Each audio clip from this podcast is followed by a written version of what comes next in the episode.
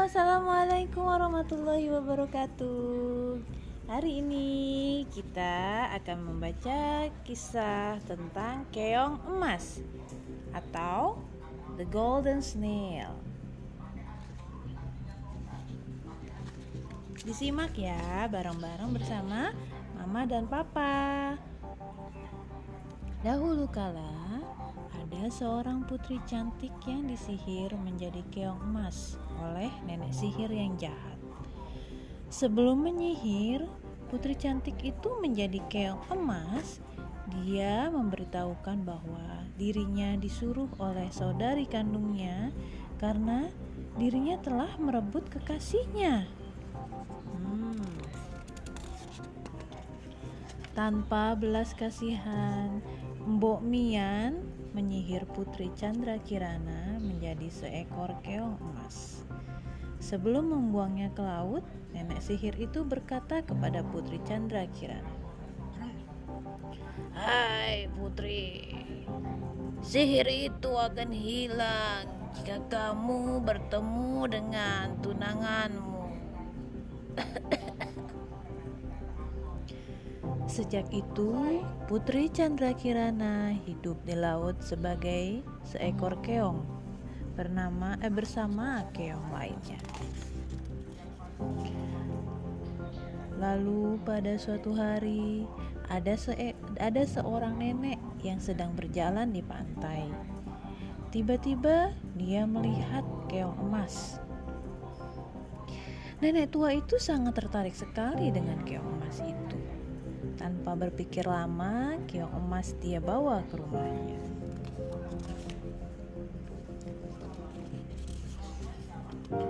Setibanya di rumah, ia sangat terkejut. Ia mendapatkan mejanya penuh dengan beragam makanan lezat dan buah-buahan. Hai, siapa gerangan yang menghidangkan makanan lezat ini? Tanya Mbok Rini heran. Tapi karena perutnya terasa lapar sekali, ia segera menyantap makanan itu. Keesokan harinya, nenek tua itu kaget sekali ketika melihat di dalam gubuknya ada seorang gadis cantik. Gadis cantik itu pun menjelaskan kepada nenek tua itu bahwa dirinya adalah seorang putri raja. Dia pun memberitahukan bahwa dirinya disihir menjadi keong emas oleh seorang nenek sihir atas perintah saudaranya. Putri cantik itu juga memberitahukan kepada nenek tua itu sihir yang ada pada dirinya akan hilang apabila dirinya bertemu dengan tunangannya. Dia pun meminta bantuan kepada nenek tua itu untuk membawa dirinya ke istana. Nenek tua itu pun menyanggupi permintaannya. Dan ajaibnya, seketika putri cantik itu berubah menjadi keong emas. Nenek tua itu membawa keong emas itu ke istana. Sampai di istana, nenek tua itu langsung menyerahkan keong emas itu kepada raja. Dia pun menceritakan apa yang terjadi. Dan sang raja pun sangat menyesali perbuatannya.